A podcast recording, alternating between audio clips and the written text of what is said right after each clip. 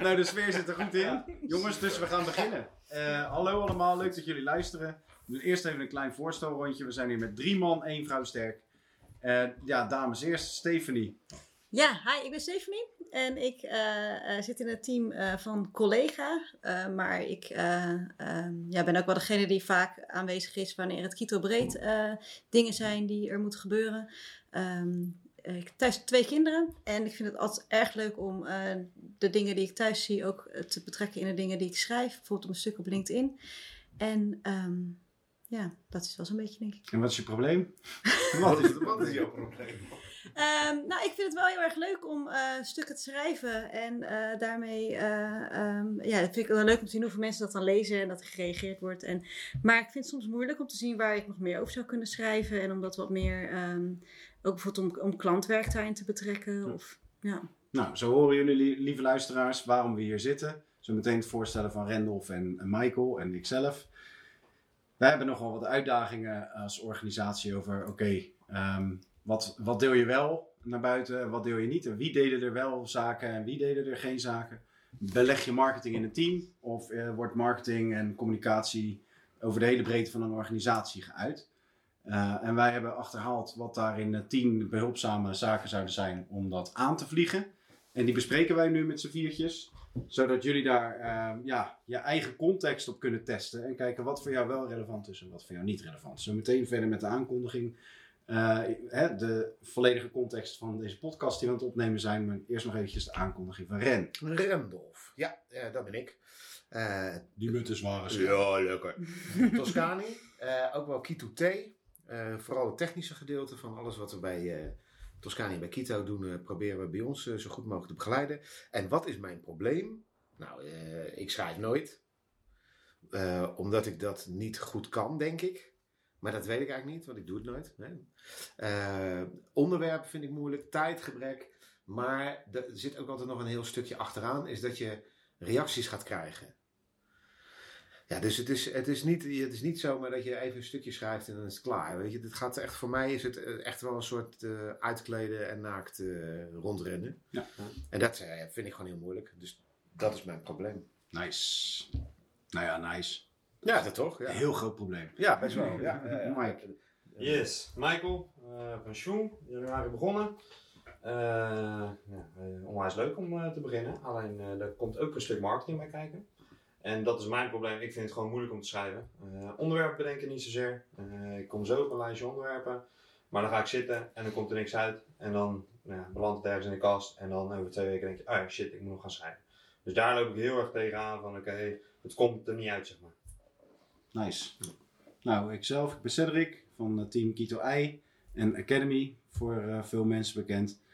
En ik word binnen Kito een beetje gezien als een van de voorbeelden als het gaat over het zijn van een zendmast en uh, heel veel uh, uh, PR genereren.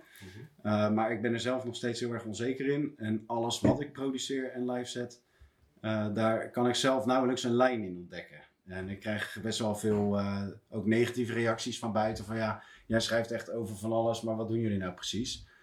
Um, dus ik, ja, een van mijn problemen is, is dat ik dus een hele grote stem naar buiten ben, maar er totaal inconsistent mee omga. Nou, dat. En uh, het feit dat er uh, naar mij wordt gekeken als hoe, ja, jij kan dat wel en ik kan dat niet, terwijl ik het ook ooit zelf helemaal niet kon. Maar daar komen we nog op terug. Um, nou, aankondiging van uh, wat we hier doen. waarom nemen we deze op? Dit is zowel voor intern als extern gebruik. Daarom hebben we hem ook gewoon publiek gezet. voor al je collega's allemaal. Uh, voor jullie allemaal, iedereen die iets meer met marketing zou willen doen, daar is deze podcast extreem relevant voor. We hebben een aantal weken geleden hebben wij een uh, uitgebreide sessie gehad, eerst met zeven en toen met elf collega's. Over oké, hoe zouden we ervoor kunnen zorgen dat we meer als een eenheid naar buiten gaan als het totale Kito. Maar dat de teams afzonderlijk ook een eigen marketing power en een scherpe proposities oppakken. Um, en daarin werd er eigenlijk enerzijds gekeken naar oké, welke topic lists zijn er allemaal. Uh, wat is die hoofdboodschap?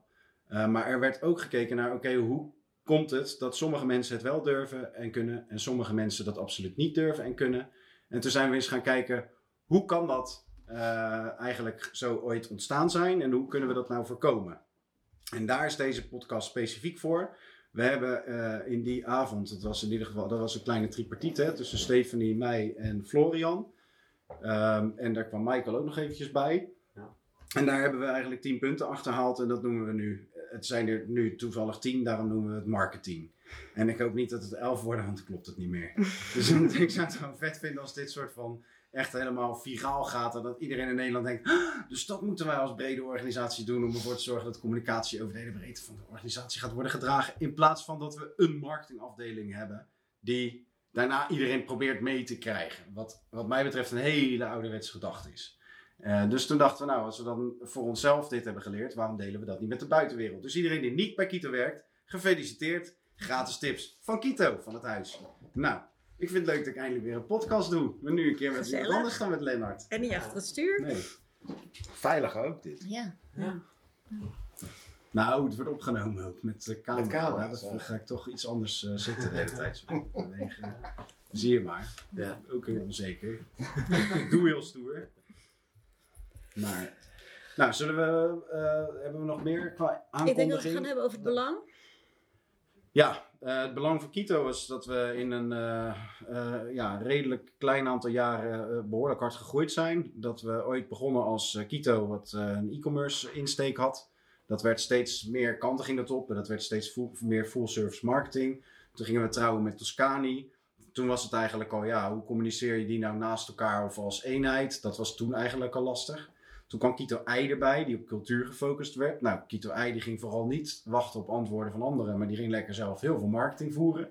Waardoor er een totale disbalans in de marketing van Kito ontstond, waarbij mensen Kito wel kenden vanwege de cultuur, maar niet waar we oorspronkelijk mee geboren waren, namelijk eh, een positieve invloed hebben op klanten qua, qua groei en bloei. Ehm, dus toen waren, waren sommige teams heel erg geïrriteerd dat wij zo'n grote stem hadden. En toen zei Kito Ei, ja, maar je moet ons niet voordelen over het feit dat wij een grote stem hebben. Dan moet je zelf Nou, mee gaan praten. Ja, dat zei ik. Ja, ja ik bedoel, dat is lekker makkelijk, hè? En, eh, en toen kwam ook nog eens uh, erbij. Nou, toen kregen we echt geluiden van de buitenwereld. Ik snap er helemaal niks meer van bij jullie. Maar Ehm, niet alleen de buitenwereld. Het is soms zelfs intern ook lastig. Want eh, dan hebben we periodes dat we het over bedrijven hebben. Nu zijn we geen bedrijf, nu zijn we een beweging. Eh, we hebben het heel lang over zelfsturing gehad. En dan is dat ook ineens weer een term die... Dus soms vind ik het ook wel heel lastig van ja, wat, wat schrijf ik? Want is wat ik nu leef misschien dan in de ogen van anderen alweer achterhaald. Mooi. Nou, daar, daar neem je gelijk alvast een brugje naar Ja. punt 1 zo meteen. Ehm, instructies voor de luisteraar. Als je dit nou luistert, wat was de bedoeling? aantekeningen maken. Dat en eh, bespreken met anderen van joh, eh, wat zijn de punten van die tien die we, waar we straks over gaan hebben. Waar loop jij tegenaan? Eh, herken je jezelf erin? Hoe kan je dat overkomen? En dan kan je het beste dialoog opzoeken met anderen. of zij er ook tegenaan lopen. Of dat zij juist niet tegen die punten aanlopen en hoe ze daar overheen zijn gekomen. En misschien dat jij ze weer kan helpen met andere punten. Ja. Dat vooral. En het is voor iedereen die er eigenlijk wel iets mee zou willen doen, maar het al heel lang niet doet en daarna deze podcast niet luistert, dan moet je gewoon niet zeiken. Eigenlijk. Ja, Maar maar dat horen ze niet. dat Dus horen ze niet, hè? dus eh, voor alle collega's, spoor andere collega's ook aan om hier net te luisteren en deze gedachteoefening eens een keertje te doen. De 10 punten. Doe even een bumper. We beginnen bij eh, punt 1, bewustzijn. Kwetsbaarheid, mindset. Dat is, eh, dat is, ik zou kunnen zeggen dat zijn er drie, maar het is allemaal één groep. Het heeft heel erg te maken met ehm, het bewustzijn. Wie zou daarop willen starten?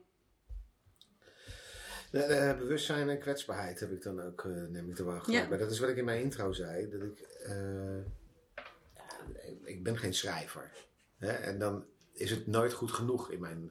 eh, dus, dus dan, wat jij ook zegt, je legt het dan even opzij. Ja. En het lezen denk je, nou, ja, weet ik veel. eh. en dan eh, op een gegeven moment eh, ga je twijfelen. En dan denk je van, ja, het is Ja. niet interessant genoeg, laat maar zitten. Ja. En dan, en dan, en dan dat, dat, dat, motivatie houdt dan is op een gegeven moment ook weg. Ja. En dan ga je na een paar maanden, je, nou, laat ik nog eens een keer proberen. Ja. Maar je komt eigenlijk er niet overheen. Om- Blokka- om- echt ja, het, het blokkeert echt. want- Omdat je gewoon denkt dat het niet goed genoeg is. Of interessant genoeg. Of, dat is, ja, die vind ik dan altijd het moeilijkste. Nou, dat is interessant. Ehm, daar, op dat vlak wordt er vaak eh, eh, over mij gedacht, ja, Cedric die kan dat wel en ik kan dat niet. Terwijl ik ooit in jouw situatie zat. Dus Ja. ik had precies hetzelfde. En, eh, het is vooral het bewustzijn van iedereen dat ehm, wat, wat ik nu doe, hè, dus ik word een beetje op de schaal van 0 tot 100 bij Gito gezien als eh, zeg maar 90% eh, gamification, groene scoren van dat doet hij goed. Maar ik zat ook op 20, 30. En jij zit misschien voor je gevoel nog iets lager. Het gaat vooral over het bewustzijn dat de ander niet per se het allemaal maar vanzelf doet en eh, uit zijn uit zijn mouw schudt. Maar ook het bewustzijn dat het overal te halen is. Dus het is, eh, dat was eh, vooral voor jou heel erg relevant, geloof Ja. ik. Hè? Absoluut, ja. Ik, eh, die kwetsbaarheid, daar ja, vind ik me enigszins in om, ja, dat ik denk van ja, ik schrijf het niet leuk genoeg, zeg maar. Ja. Maar daar kom ik op zich wel overheen, zodra ik eenmaal de tekst heb. Eh, maar het is meer bewustzijn inderdaad van, je ziet heel erg bepaalde mensen die het wel heel veel doen. Dan denk je, ja, die schudden het zo uit de mouw. Die hebben even een uurtje een verhaal getypt en eh, delen het. Klaar, Ja. er komen reacties op, helemaal top. Terwijl ik er gerust een hele middag voor kan zitten en het is er nog niet, zeg maar. Ja, ja. Dus, eh, en dan, ja, hele middag de tijd heb je niet vaak, dus dan schrijf je het al snel eh, aan de kant. Maar het is heel erg die bewustzijn dat anderen er ook echt serieus wat tijd in steken. En dat het niet zomaar iets is wat je even ernaast doet. Van, oh, hey, ik heb nu vandaag wat leuks, ik, ga, ik schrijf er even wat over en ik deel het. Er gaat echt wel heel veel tijd in zitten. En die bewustzijn heb ik nu pas gekregen. Eh, maar dat helpt wel heel erg. Dat het ook gewoon die vergelijking is van, oké, je moet het ook echt in gaan plannen. Je moet er tijd voor maken. Nou, en dan nog een aankondiging voor jou, Steve. Jij wordt in, bij Kito ook wel gezien als een van de zes grotere zendmasten. Eh, terwijl je jezelf niet per se zo voelt en best kritisch Ja. op jezelf bent. Van ja, maar ik deel eigenlijk minder relevante dingen. En de relevante dingen deel ik niet. Terwijl andere mensen naar jou opkijken, jij dat Ja. niet weet. Heel lastig. Wat ik zelf ook heb met die kwetsbaarheid? Ik vind het wel heel, ehm, heel fijn om voor mezelf mijn kwetsbaarheid op te schrijven. En, en eh, dat wat mezelf eh, dwars zit vaak. Ja, vaak schrijf ik ook dingen van me af. En dan vind ik het soms heel lastig, want soms heeft het ook weer eh, betrekking op een ander. Dus dan vind ik dan weer lastig van ja, in hoeverre mag ik dit delen? Omdat het misschien iemand anders wel denkt van ja, of, of het bedrijf. Weet je, ik heb ook wel eens iets dingen waar ik tegenaan loop en denk van ja, maar als ik dat dan schrijf en Kito wordt gezien als. Dus dat vind ik dan soms ook wel. ehm, dus het bewustzijn van ja, wat, ehm, wat, wat doet het uiteindelijk als ik dit nu opschrijf? Wat vinden anderen? Ja, Nou, de, de gemene deler zeg maar, van al deze punten, er zit een bepaalde mate van onzekerheid in. Ehm, ik kan dat niet, hij kan dat wel, of zij kan dat wel. Of ik weet niet of ik dit wel mag schrijven. Of eh, ik, ik weet niet of ik goed kan schrijven. En, eh, het ding is, is dat dit allemaal bij die, bij die individuen blijft op het moment dat je het niet bespreekbaar maakt met anderen. Want wij hebben op die marketingavonden goed met elkaar gepraat over deze onderwerpen. En toen krijg je verrassend genoeg van bijvoorbeeld Stephanie de onzekerheid te horen op dat gebied. Terwijl wij dan gelijk zeiden: nee joh, ben je gek? En eh Steve daardoor geholpen werd. En een, ehm een Randolph, hè, jij gaf eh, in, in de brede groep aan jongens: ik wil super graag als eenheid naar buiten. Ja. Maar ik weet namens mijn team gewoon: ik kan het niet. Ik weet niet hoe. En sommigen zeiden: ja, je moet gewoon gaan zitten en dat moet je doen. En anderen dachten: oh, hij kan het echt niet. Ja, maar je zou wel verwachten van iemand die al 20 jaar met Toscani bezig is, dat hij dat kan toch? Want Toscani bestaat al 20 jaar. Dus hoe kan het nou dat hij dat niet weet? Nou, het begint dus echt met die kwetsbaarheid te tonen. En toen kwam Mike binnen. En Mike zegt, ja, ik wil het wel, maar ik weet het ook niet precies. En ik, ik zeg, Steve, eh, goh, wel knap wat jij doet. En Steve dacht, oh. En dat is, heeft echt dus te maken met het delen van je kwetsbaarheid. En dat je je bewust bent dat de context van de ander niet per se zo hoeft te zijn als dat jij hem invult. Ja. Ehm, dus dit is eh, punt 1. opdracht voor de luisteraar en voor de kijker. Eh, schrijf voor jezelf, als je, als, je, als je dit herkent, schrijf dan voor jezelf eens je eigen gevoelens nu op. Zodat je die gevoelens, zodat ik durf het niet, of ik kan het niet, of ik denk dat ik het niet kan, of ik twijfel aan het format, gewoon allerlei gedachten. Of ik, eh, ik zie niet de topics, dus ik ben me niet bewust van de mogelijkheden bijvoorbeeld. Schrijf je onzekerheden op, zodat je die eh, met collega's bespreekbaar kan maken. Ehm afgevinkt? Ja, ik heb nog wel een dingetje qua mindset. Eh, als ik ga zitten voor een lijst met topics, dan eh, komt het echt wel naar voren. Alleen, het is niet zo dat ik er constant mee bezig ben. Van, eh, hey, dit gebeurt, hier kan ik wel wat over schrijven. En ik verwacht dat dat wel komt als je het steeds meer gaat doen, dat het er vanzelf in komt. Maar ik denk dat dat ook wel een belangrijke is, met gewoon dat het in je opkomt van, hey, dit kan een onderwerp zijn. Dat Mooi. maakt het schrijven denk ik veel makkelijker. Het is een keuze, Ja, eigenlijk. En dat is een mindset. ja precies. Dus, uh, nou, maar degenen die nu aan het luisteren zijn, hebben erover gekozen om te luisteren. Dus dat is in ieder geval al stap 1. Ja. En stap 2 is daarna ook echt de verantwoordelijkheid pakken om er echt iets mee te doen. Ja, en het een soort van uh, top of mind houden dat je ook marketing doet, zeg maar. En je personal branding, maar ook over het bedrijf.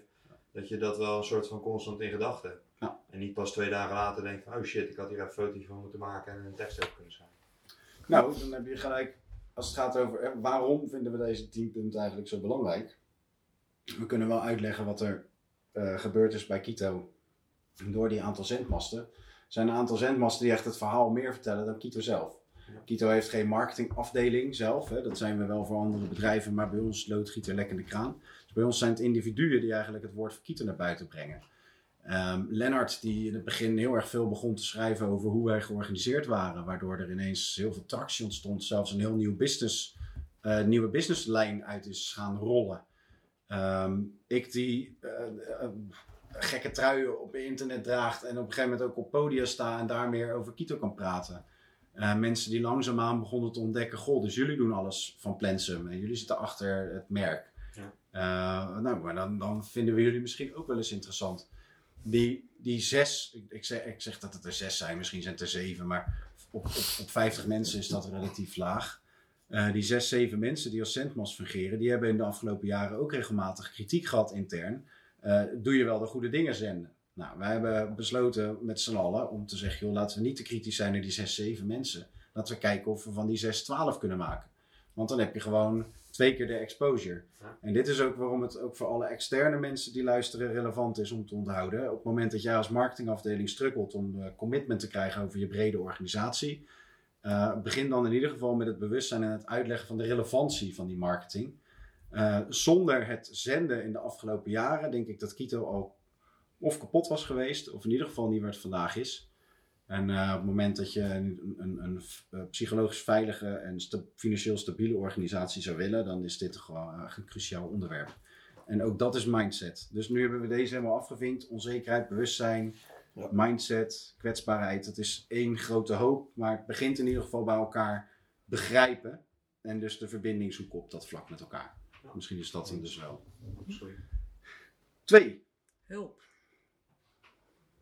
Hulp. Ja. Help even. Nou ja, ik denk dat het wel uh, slim is om um, aan te geven dat je hulp kan vragen en, en erachter komen aan wie, je hulp kan, wie jouw hulp kan bieden. Um, de eerste keer dat ik een blog schreef, um, zette ik hem ook niet direct online. En er werd er ook even gekeken en dan kreeg ik ook vaker wel terug van... Goh, um, je zou het misschien op een andere manier kunnen verwoorden. Of wat ik ook heel vaak deed, was dan ging het heel erg van de hak op de tak. Uh, dus die hulp is ook niet alleen uh, haal mijn spellingsfouten eruit... maar ga ook echt met me zitten en leg aan me uit waarom je iets verandert of verbetert. Uh, maar kijk ook wel heel erg uit hoe ver je daarin gaat. Want er is ook een keer een blog geweest dat volledig gereviseerd werd, omdat dat niet op een uh, hippe, marketingachtige manier geschreven was. En daarna heb ik gelijk ook weer een paar weken niet geschreven. Want toen dacht ik echt van ja, als dat van me verwacht wordt, ja, dat ben ik niet. En gelukkig werd er later dan dus wel uh, duidelijk van ja, iedereen mag het echt wel gewoon schrijven op de manier dat je het zelf wilt. Um, maar inderdaad, ja, kijk wel dat het wel ja, op de juiste manier op papier staat. Ik denk dat je bij hulp, moet je denk ik ook gewoon bijna mensen aanwijzen waar je hulp aan kan vragen. Omdat, hè, dat zou voor mij ook weer een drempel kunnen zijn. Van ja, weet je, iedereen heeft druk en uh, wie ben jij om mij uh, eventjes tijd te geven om... het is veel, als je weet van nou, die persoon die wil daar tijd voor maken en heeft ook de verstand daarvan en wil graag helpen dat je die drempel daar ook verlaagt. Weet je, van joh, kom maar, ik, uh, want dat zou bij mij al helpen. Ja. Maar Als dat is dat iemand voor zegt, mij ook wel... Kom, Ik en, zou eh, in het verleden niet heel snel gezegd hebben van... Goh, ik wil je er wel bij helpen. Want dan dacht ik, wie ben ik om ja, te nou helpen? Ja, ja, dat En ik, um, ja. mijn blog staan ook vaak nog vol spelfouten. Maar het gaat natuurlijk ook niet alleen maar om die spelfouten. Um, dus inderdaad, als het gaat op, met elkaar kijken van... Ja, waar zou je over kunnen schrijven? Of uh, dat zou ik Ja. wel heel erg leuk vinden om daarmee mee te denken dan. Ja, het is uh, ergens moet er inderdaad een soort beschikbaar zijn van joh, deze mensen kunnen je helpen. Maar het is ook wel zelf echt kijken van joh, wie zou mij het best kunnen helpen? Ik zou best naar een set toe kunnen stappen, van joh, kan jij me helpen? Maar veel te ver van mijn bedshow, eh, de manier waarop hij deelt, zou ik niet moeten delen. Ik zou veel beter naar Stephanie kunnen stappen. Dus het is ook wel echt kijken van joh, wat voor persoon... Welke stijl? zelfs. Ja, welke Ja. stijl, wat voor persoon, eh, wat voor dingen qua delen loop jij tegenaan. Eh, ik zou bijvoorbeeld meer, eh, nou ja, nu doe ik het sowieso nog te weinig, maar de onderwerpen die ik heb, die gaan in ieder geval allemaal zakelijk. En er zou best wel meer persoonlijk tussen mogen. Dan zou ik best met Stephanie kunnen kijken, van, joh, hoe doe je dat? Schat, ik zou dan dus andersom naar jou toe gaan, want die van mij zijn weer eh, Precies. veel, veel te vaak persoonlijk en te weinig. Ja. Nou, dit weten jullie nu van elkaar. Zie je hoe het werkt? Ja, precies. Maar het, gaat- het is dus wel interessant. Hè? De een zegt, ik zou het wel graag willen weten wie ik dan om hulp kan vragen. Dus het helpt in ieder geval dat mensen duidelijk maken. Joh, eh, het is heel duidelijk dat Saskia zich hier altijd als eerste opwerpt om te zeggen: laat mij maar de taalnatie zijn. Ehm, zelf eh, deed ik in het begin ook veel reviseren, maar dan was er ook een kanaal. Hè? Dus je wist ook, Mhm, ik gooi ja. hem in eh Kito Blog.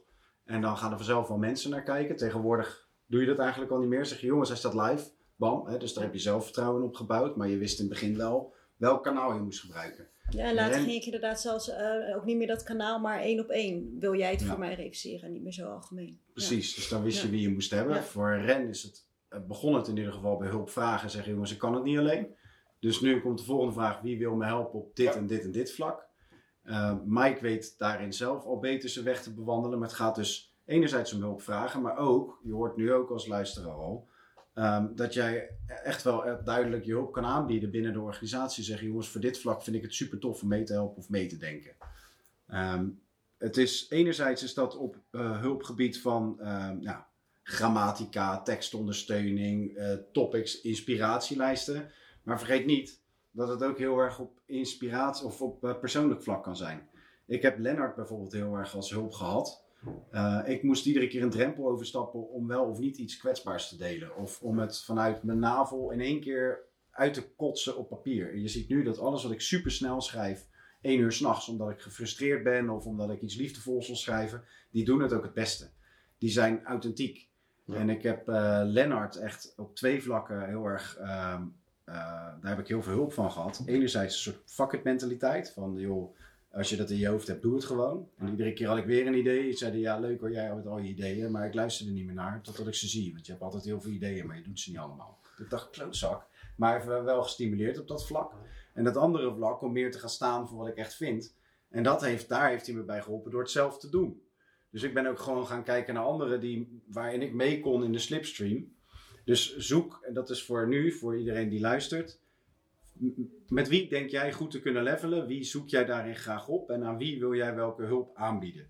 Dus eh, dat is eventjes relevant. Eh, en weet dat iedereen die nu ergens is als zendmast, eh, ooit begonnen is op nul. En eh, niet zo ver is gekomen als waar die nu is zonder hulp. Dus hulp, dat is punt 2. Ja, mooi Dan gaan we naar begrip. Wat eigenlijk net al een beetje eh aankaarten, eh, begrijp je wel wat keto is en eh, ook wat wel en niet kan werken. Ehm, ja, het gaat soms zo snel en ehm, soms heb ik ook natuurlijk iets wat ik dan beda- be- bedacht of, of gerealiseerd heb, dat dat dan misschien alweer achterhaald is. Maar dat is natuurlijk eigenlijk ook niet waar, want op het moment dat ik me dat realiseer, zijn er waarschijnlijk ook nog heel veel mensen die nog niet op dat punt zijn. Ehm, maar jij bent waarschijnlijk dan alweer twintig stappen verder. Weet je? Maar ik moet dan vergeten om dan altijd naar jou te kijken en dat als benchmark aan te houden. Denk ik. Ja, dat, dat kan je inderdaad wel loslaten. Ja. Ja, ik begrijp helemaal niks van eh, financiën en eh, development, dus daar zal je hem ook nooit over horen. Maar op het moment dat ik eh, bepaald iets niet begrijp op het gebied van cultuur, maar ik wil wel het meenemen om, in, in een verhaal van me, dan loop ik naar Len en dan vraag ik om uitleg. Zo hebben wij wel eens, eh, nou het geen discussies, maar je noemde net het woord zelfsturing. Kan ik dat nou wel of niet gebruiken? Len en ik hebben altijd geschreven en uitgelegd in podcasts dat wij niet geloven in de definitie zelfsturing. Maar omdat iedereen buiten ons zelfsturende organisatie noemt, zijn collega's het woord zelfsturing gaan oppikken van ja, we zijn toch zelfsturend. Terwijl Len en ik daar twee podcasts, drie artikelen en weet ik veel hoeveel over hebben geschreven en gedeeld over de, de nuances van het woord zelfsturing en de uitleg ervan. Daarvan denk ik, ja, als je daar dus iets van wil vinden of iets over wil leren, dan kun je dat afnemen. Maar de shortcut is, loop naar mij of Len en je hebt binnen een minuut een helder antwoord. Uh, maar je weet ook niet of je die vraag wel kan stellen. Want je denkt, ja, dat zou ik toch eigenlijk moeten weten. Maar ja, Ja. eh, terwijl, ja, waarom, waarom zou je dat moeten weten? Je kan niet alles weten. Ik weet ook heel veel niet. Dus het is daarin wel, zorg dat je het begrijpt. En de dingen die je niet wil begrijpen, oh, get lost. Ik bedoel, ik wil helemaal niks weten van, eh, van eh programmeertaal. Financiën. Oh, Verzekering en financiën zou ik wel willen leren eigenlijk. misschien is het goed om Ja. je daarin te verdiepen. Kan je wel mee helpen. Ja, precies. Dus je hebt eh, begrip op dat vlak. Wat is het voor jou, Mike? Ja, het is eh, begrip van eh, wat is interessant om te delen. Begrip van de materie rondom bijvoorbeeld LinkedIn. Veel, eh, nou ja, er is natuurlijk genoeg over geschreven. van, joh, eh, wat moet je delen, hoe moet je delen, hoe laat moet je delen, eh, dat soort zaken. Voor mij is het heel erg begrip daarvan. van, wat werkt wel, wat werkt niet. Ik heb het gevoel dat ik het begrip van de groep Kito wel heb. En anders maakt dat me niet zo heel veel uit als anderen daar een ander idee bij hebben. En bij Sjoen sowieso natuurlijk. Eh, dus voor mij is het heel erg dat. Van oké, wat is wel delenswaardig, wat niet zeg maar. Maar wat is dan het grootste gevaar dat je een keer iets deelt wat wat minder opgepakt wordt? Ja, Ja. misschien, wel. Ja. Want dat, dat heb ik dan weer minder. Ja. Maar, ja dan weet je, je wordt toch eh, een soort van aangemoedigd als eh, dan ga je het eigenlijk doen. En eh, een heel verschil als je dan eh, maar vijf eh, likes krijgt of eh 30 Mhm. of zo. Ja. Dan heb je zoiets van, oh het werkt echt. En je gaat er gelijk mee verder. Eh, terwijl je in dat stadium ook heel makkelijk ontmoedigd kan worden Ja. door Ja, amper eh, views en dat soort zaken. En daarin is het ook weer het begrip dat het niet per se gaat om het aantal views, maar veel meer over de consistentie van de boodschap die je wel of niet inconsequent, al dan niet eh, gewoon heel erg ongewend, dat je die, dat je die deelt. Ehm, het is ook het, het, het, het begrip van het feit dat als je dingen niet helemaal begrijpt van heel Kito, je spreekt uit je eigen naam. Eh, en juist Kito is een organisatie of een groep mensen waarvan het helemaal niet uitmaakt dat Steve het ene zegt en ik het andere omdat je juist die vrijheid van je eigen, die autonomie je mening, die is super cruciaal. Dus why bother wat eh, anderen daar precies van vinden? Daar mag wel wat rechtlijniger in. Tenzij het hele ingewikkelde topics zijn, zoals onlangs, hè, een kleine discussie over hoe zit het hier eigenlijk tussen man en vrouwen. Waarbij je zei, ja, kan ik, wil ik daarover schrijven? Ik zit eraan te denken, maar is dat op dit moment handig? Dat je het eigenlijk merkt, hier wil ik even advies van. En iemand zegt, nou, nu niet zo handig. Dan gebeurt het even niet. Eh, maar hoe is dat voor jou, Ren? Begrip? Nou ja, ik, ik sluit me aan bij wat jij, eh, wat, eh, wat, er net besproken is. Dat je wat wel, wat niet. eh, eh. maar ik heb, daar toch, ik heb hier minder, ik heb daar minder moeite mee. Ja. Met, eh, Ja. ja. Oude wijze man. nou ja, precies. Ik, Ja. Ook wel eens vervelend, want soms denk ik, ik, ik roep wel erg vaak dat ik oud ben. Mhm. Hè, dan denk ik even, nou ja, laat maar even. misschien moet je daar dan een ding van Misschien moet ik daar eens wat over schrijven. Opa vertelt. Ja, opa vertelt, ja. Nou, voor, de, voor de luisteraars, schrijf de vragen op die jij op dit moment hebt. Dus ehm, waarvan zeg je, ja, hier zou ik eigenlijk wel wat meer duiding over willen. Of het nou instrumenteel is, dus hoe werkt het ene of het andere platform. Of eh, inhoudelijk en verdiepend, eh, hoe zit het eigenlijk op die manier met Kito? Of hoe zit het met die en die klanten? Want dat is natuurlijk ook nog het ding. Niet ieder team weet van elkaar eigenlijk wat we voor positieve invloed op, op alle klanten uitoefenen. Uh, en daarin wil je elkaar ook gewoon begrijpen. Dus zoek elkaar op door de vragen in ieder geval allereerst te stellen en daarna in gesprek te gaan. Begrip. Dus dat is vinkje 3. 4. Past hem bij jou? Ik heel erg zoeken naar eh, iets wat bij je past. Eh, is dat schrijven? Is dat een andere manier? Eh, Gedicht. dat is iets wat bij jou past. Video. Eh. Ja, precies. Podcast. Zingen.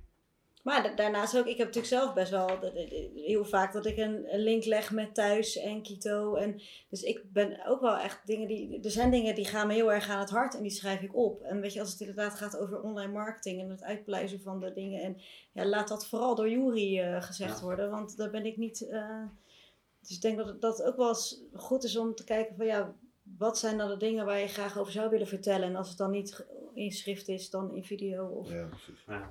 Niet alleen eh, wat, maar ook hoe. Ja, nee, voor mij is het soms dan is en dan, dan zit ik op zondagmiddag en dan zeg ik sorry schat, maar ik moet nu echt even, want dit moet er gewoon even uit.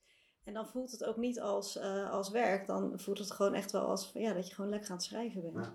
En, ehm, alleen ja, bij mij is het dan nog, nog de kunst om dan wat meer dan te gaan vinden wat dan nog meer zou kunnen. Omdat de ene week eh, heb ik twee onderwerpen waarvan ik denk yes en dan gerust vier weken niet. Ja. Dus dat, eh, Zo zie je maar. Maar dat is heel erg typisch. Hè? Dus eh, voor Stephanie is het passend bij jou. Heeft Steven in het begin schreef, schreef je niks. Hè? Dat, toen ben je langzaam eens een keer een artikel gaan proberen.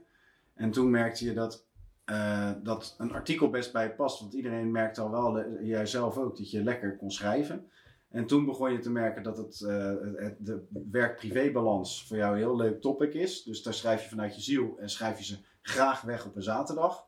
Dat mensen je daar echt om gingen waarderen. Dat je echt een beetje op dat vlak een beetje de dat werd echt een beetje jouw stiel. Dus dat was ineens een gouden combi. 1 plus 1. Hè? Het medium eh, had je te pakken en je had het onderwerp. En nu ben je eigenlijk aan het kijken wat past nog meer bij mij qua topics. En waar je dan weer hulp bij nodig hebt, is inspiratie. Ja. Nou, dus iedereen die naar Steve kijkt, dan zijn die, ja, maar zij doet het toch al goed. Steve zou graag nog meer willen doen. En ooit had Steve ook geen idee. Dus zoek het medium wat bij je past. En zoek het topic waar je vurig enthousiast over bent. En buiten eh, de blogs, die toen eigenlijk, toen was het alleen maar, je, je stuurde eens een keer een tweet of je schrijft eens een keer een blog. Eh, en toen kwam Facebook en toen kwam Insta, et cetera. Ehm, maar misschien eh, is eh, TikTok het helemaal voor jou, is eh, podcast Denk- het denk helemaal voor jou. Denk zoeken we een YouTuber. het, het, het maakt niet uit, er is zoveel keuze. Ehm, doe wat je niet laten kan.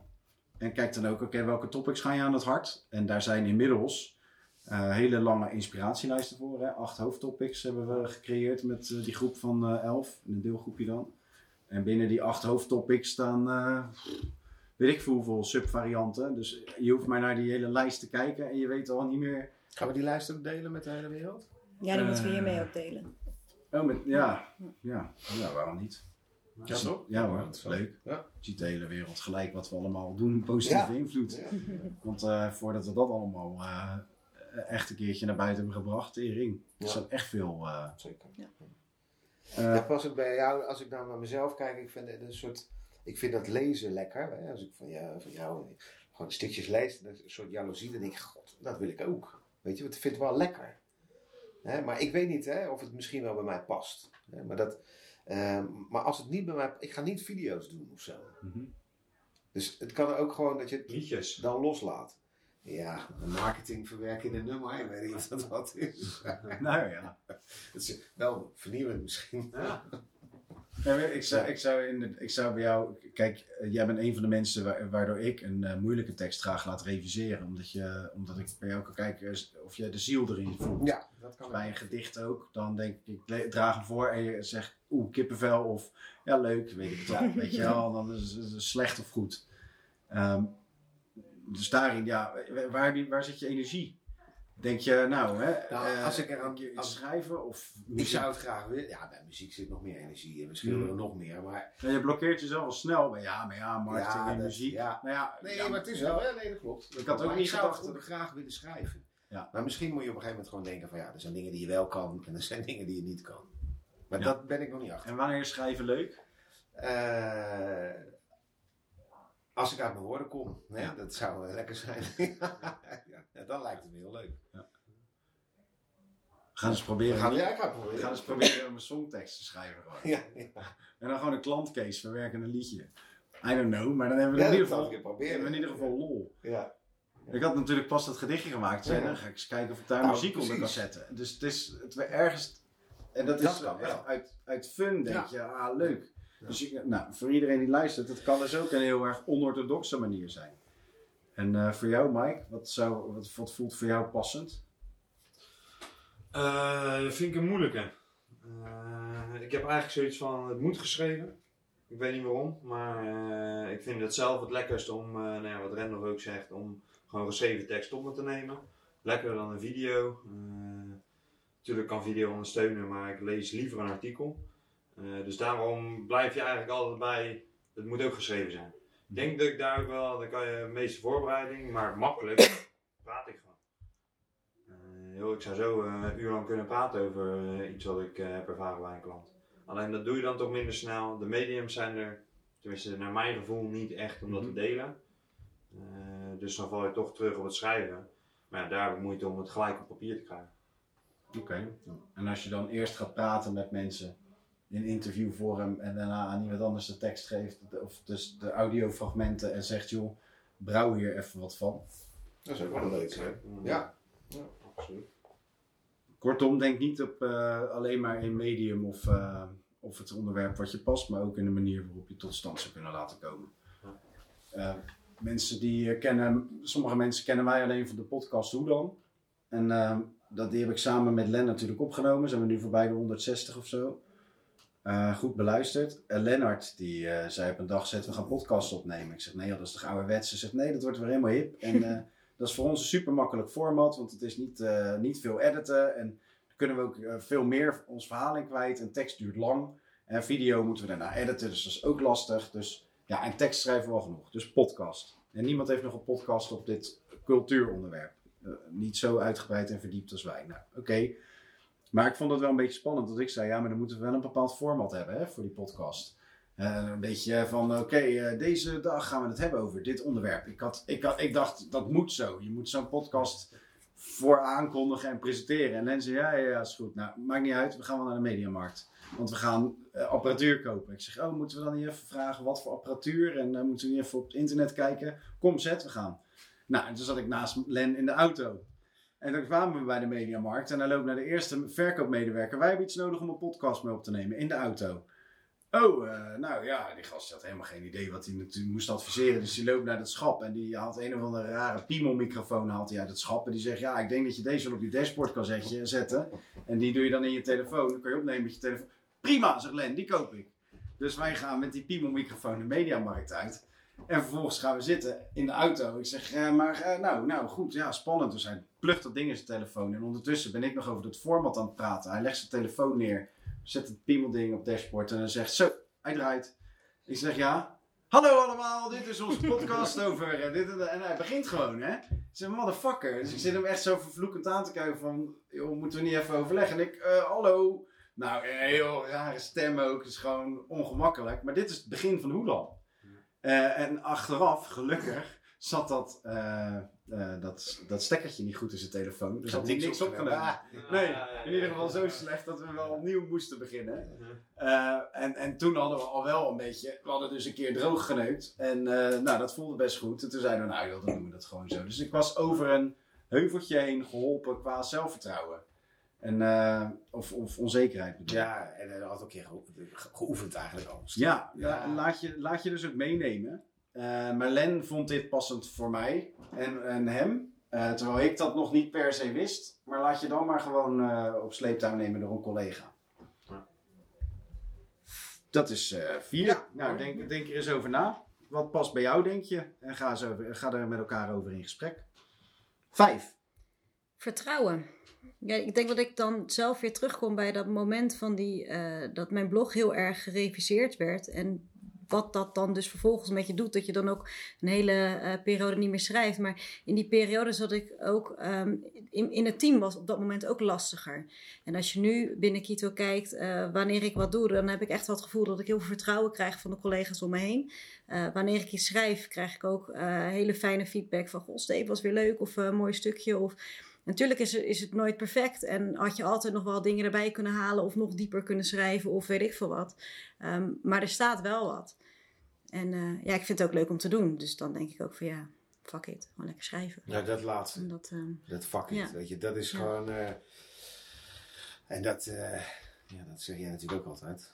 Cedric, ja, dat horen mensen natuurlijk. Ik wijs jou aan, maar dat is natuurlijk niet... Maar dat, die, die fuck it mentaliteit, die is... ja, wat maakt het eigenlijk uit, zou je moeten denken. Weet je, maar toch... En het maakt vooral uit als je het allemaal niet doet. Ja, nou, En- het doet, ik- vind het gewoon echt heel moeilijk. Ja. Echt, wat vinden anderen ervan? En dan denk ik ook wel van, ja, wat kan mij dat nou schelen wat anderen Ja. denken. Maar toch maar ik heb dan zelfs houden we de- dat tegen. Er kan niet heel veel fout. Ja, je kan natuurlijk in- ineens iets gaan schrijven wat. eh, eh, als jij ineens iets heel racistisch gaat schrijven, dat zou niet heel handig zijn. Niet dat je dat bent, maar weet je. Oh, nee, ik ben blij dat je dat erbij zegt. Ja. nee, maar stel je nou voor dat je ineens iets opschrijft wat echt wel. Ja, dat zou niet heel handig zijn. Nee. Maar als jij gewoon iets uit je hart opschrijft om wie jij bent, dan is er naar mijn ogen ook niet Nee. iets wat fout kan zijn. Precies, als die 20 jaar ervaring, hè, daar zou Ja. toch wel iets normaals uit Ja. moeten kunnen komen. Ja, ja. Maar toch, eh, Dat je de afgelopen 20 jaar al die succescases, zeg maar 12 per jaar bijvoorbeeld, Ja. dus 20 jaar, allemachtig. Hè? had ik het maar gedaan, hè? Nou ja, Ja, dan, dan, maar dan zou je 120 240, jaar. ja, maar dan kan je 240 dingen teruglezen voor jezelf. Ja. Waar je denkt, jeetje, we hebben wel echt iets om op te bouwen. En nu zou je moeten graven, ja, waarom is Toscani eigenlijk geweldig? Ja. Omdat je het niet altijd voelt. Dus Nee. het heeft heel erg met zelfvertrouwen te maken. Ehm, en dat was punt zo. Maar we, houden, we wisselen deze even om, jongens. Die. Ah ja. Dus het eh, zelfvertrouwen. Ik had eh, soms niet het gevoel dat ik eh, goed kon schrijven. Ik ben opgegroeid op school en ik kreeg vooral te horen dat ik niet slim was. Ik kon ook niet goed tekenen, dus ik was ook niet creatief. Dus ik had helemaal geen zelfvertrouwen op dat vlak. Totdat collega's zeiden, ja maar jij kan toch leuk schrijven? Dat ik dacht, oh is dat zo? Nou, en dan ging ik het eens voorzichtig proberen. En toen had ik ook weer mensen omheen die dat ook deden. En toen dacht ik, ja maar ik kan, dat, dat kan ik ook. Dan ging ik het ook weer doen. En toen werd ik steeds meer bevestigd en daar kreeg ik zelfvertrouwen van. Ja. Maar het begon bij mij ook echt zwaar op nul. En onlangs was het dat ik voor de lol een gedichtje had geschreven over Bo. Ik zat gewoon een artikel te schrijven. Ehm, en tijdens het artikel had ik ineens iets over ongemerkt, je merk, merk, ongemerkt. En dat was zo'n lekker zinnetje dat ik dacht, oh, daar moet ik iets mee. En dan app ik hem naar Bo. En toen dacht ik, nee, nee, nee, ik ga hem gewoon irriteren door iets over Bokito te schrijven en over dat hij mistrapt met voetbal. Eigenlijk begon het dus gewoon als, als, een, als een grapje richting Bo. Dat ik denk, ik zet hem even op LinkedIn een beetje van, ah, maar dat werd best wel een liefdevol gedichtje. En eh, nou, die had ik dus, die had ik dus en die las ik voor aan een collega. En die ging zo hard lachen dat ik dacht, oh, dan neem ik hem maar op. En die deed het heel goed op LinkedIn. En de dag daarna had ik er een over Kevin Boer. En toen dacht ik, nou, en iedereen vond die gedichtjes zo leuk dat iemand zei: Moet je niet een gedichtje schrijven over die course van de Academy? Toen dacht ik, ja, waarom niet? En voordat ik het wist, had ik voor alle courses een gedicht geschreven. En die waren, ja, collega's die ik ze voor die gingen echt lachen. Ik denk, oh, nou. Maar nul, nul het idee dat ik eh, iets met gedichtjes moest doen. Nee, maar de eerste die je doet, ja, die valt gelijk goed. Hè? Dat wat jij zegt, dat, eh, wat Stephanie zegt. Dat is blijft echt wel.